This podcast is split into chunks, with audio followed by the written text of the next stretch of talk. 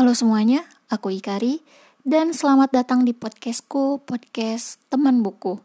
Bagi yang belum tahu ini podcast apa, ini adalah podcast yang mengulas buku-buku yang pernah aku baca dan juga bakal ada beberapa obrolan random seputar buku. Entah itu mungkin buku favorit atau rekomendasi buku. So, buku apa yang akan kita bahas kali ini? Keep listening.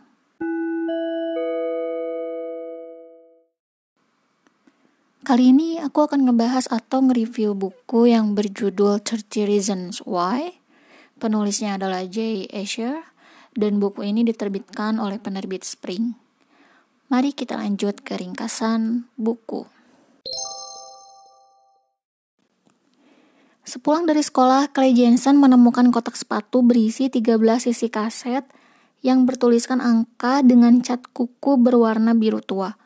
Karena penasaran, Clay Jensen kemudian memutar kaset pertama dan mendapati bahwa yang mengirimkan kaset itu adalah teman sekelasnya sendiri, yaitu Hannah Baker, yang bunuh diri dua minggu yang lalu. Di dalam kaset itu, Hannah Baker menjelaskan alasan-alasan kenapa dia melakukan bunuh diri. Dan ini dia alasannya. Yang pertama, Justin Foley. Karena foto Hannah yang roknya tidak sengaja tersingkap saat berkencan dengan Justin, menyebar luas di sekolah menyebabkan Hana menjadi gosip hangat di kalangan remaja di sekolahnya. Dan Hana tidak nyaman dengan itu. Yang kedua, Alex Tandal. Teman nongkrong Hana. Dia membuat sebuah daftar berisi yang terbaik dan yang terburuk dan menuliskan Hana di daftarnya sebagai bokong terbaik satu sekolah.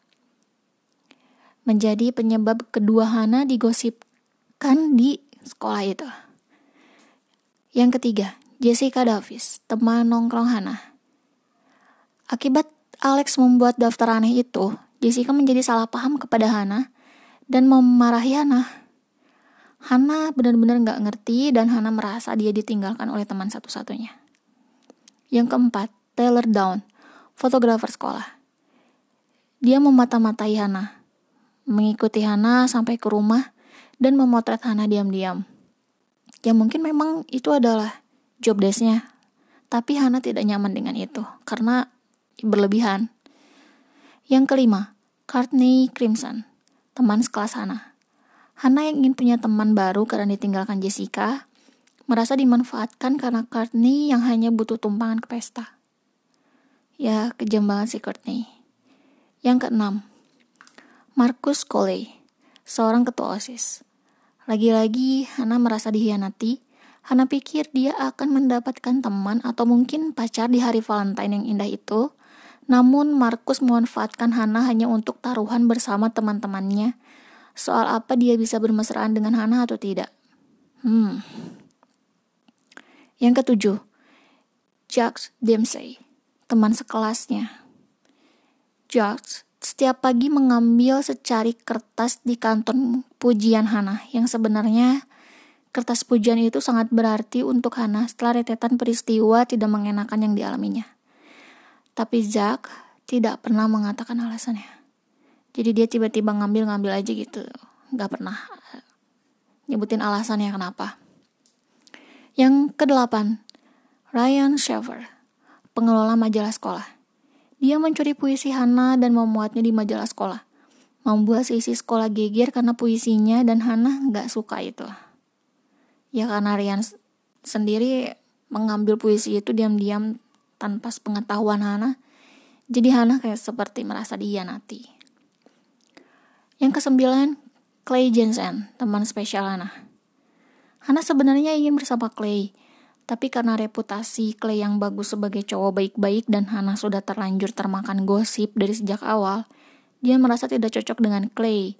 Jadi malam itu, pada saat pesta, walaupun sebenarnya Clay tulus mendekati Hana, tapi Hana tidak merasa seperti itu.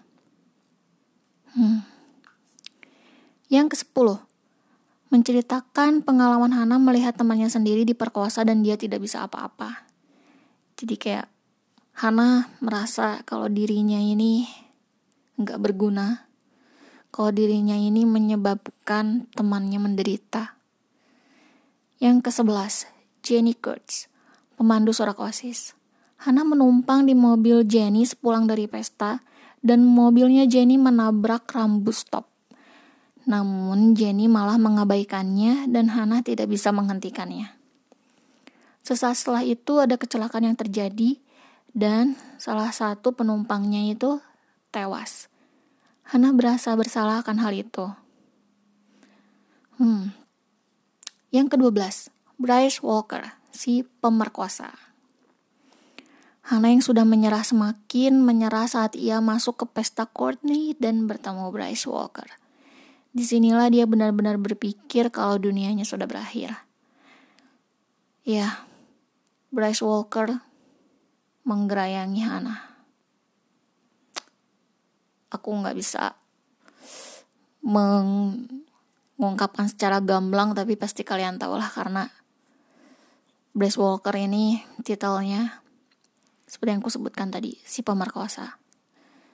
Dan yang terakhir, sisi ke-13. Mr. Potter, guru bahasa Inggris yang juga konselor siswa. Menjadi harapan terakhir Hana. Hana menemui Mr. Potter dengan harapan agar membantunya melewati semua masalah ini. Namun, pernyataan gamang dari Hana membuat Mr. Potter kebingungan dan berpikir kalau Hana tidak begitu serius dengan apa yang diucapkannya. Dan inilah akhirnya Hana benar-benar berpikir akan mengakhiri hidupnya karena sudah tidak ada lagi yang peduli padanya. Bahkan dia kayak semacam seperti dia ini adalah beban bagi orang tuanya. Untuk itu dia juga tidak bisa menggantungkan diri ke orang tuanya. Oke, begitulah ringkasan buku ini. Mari kita lanjut ke review buku.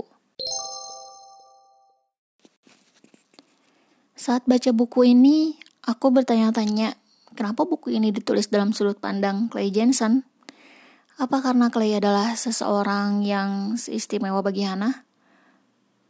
Tapi saat aku ngebaca epilognya, penulisnya mengatakan karena karakternya Clay yang teguh dan penasaran tidak seperti teman-temannya yang lain kalau berhenti di temen kalau ke temennya yang lain itu pasti berhenti tapi kalau Clay dia akan menyusuri semua kaset itu sampai tuntas tapi memang Clay di sini membuat isi cerita ini sangat menarik karena karakter Clay yang juga dekat dengan Hana merasa bertanggung jawab atas kematian Hana tidak dengan yang lainnya.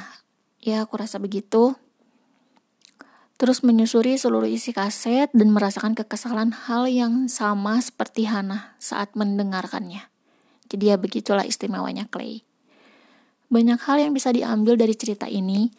Depresi tidak serta-merta datang tiba-tiba. Tapi ada serentetan masalah yang bertumpuk yang pada akhirnya membuat seseorang depresi dan hal yang terburuk yang bakalan terjadi adalah dengan berpikiran bunuh diri. Ya, kalau cuman berpikiran aja sih itu masih bisa tertolong lah. Kalau udah bunuh diri beneran, hmm. Karena ini menyangkut masalah psikologis remaja yang nyatanya memang remaja itu impulsif, spontan, dan penuh rahasia.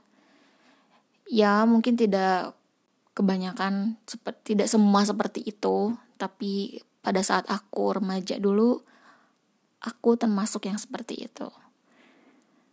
Hal ini menjadi PR yang sangat besar untuk para orang tua agar bisa lebih dekat dengan anak-anaknya. Di kasus Hana ini, sepertinya orang tua Hana tidak tahu kalau dia punya masalah serumit itu. Dan Hana juga tidak bisa terbuka dengan orang tuanya. Bagi remaja, lingkungan sekolah dan pertemanan menjadi sangat penting. Untuk itu, remaja pasti butuh teman yang baik untuk melewati masa sekolah yang sulit itu. So, bagi yang merasa adiknya, saudaranya, atau salah satu dari teman kalian melihat tanda-tanda seperti Hana ini, atau mungkin malah kalian sendiri, coba lebih terbuka dengan mencari teman yang benar-benar bisa kalian percaya, atau lebih baik lagi kalau bisa konsultasi dengan psikolog. Satu pesan dari aku, jangan pernah menyerah dalam hidup, Masalah memang selalu tiba-tiba datang dan tidak diundang. Tapi ibarat badai pasti ada akhirnya bukan? Oke. Okay.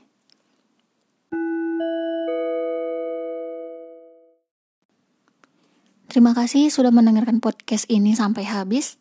Berikan dukungan dengan mengklik share dan like dan silakan mengirimkan kritik dan saran ke Instagram ikari.nosuke. See you at the next record.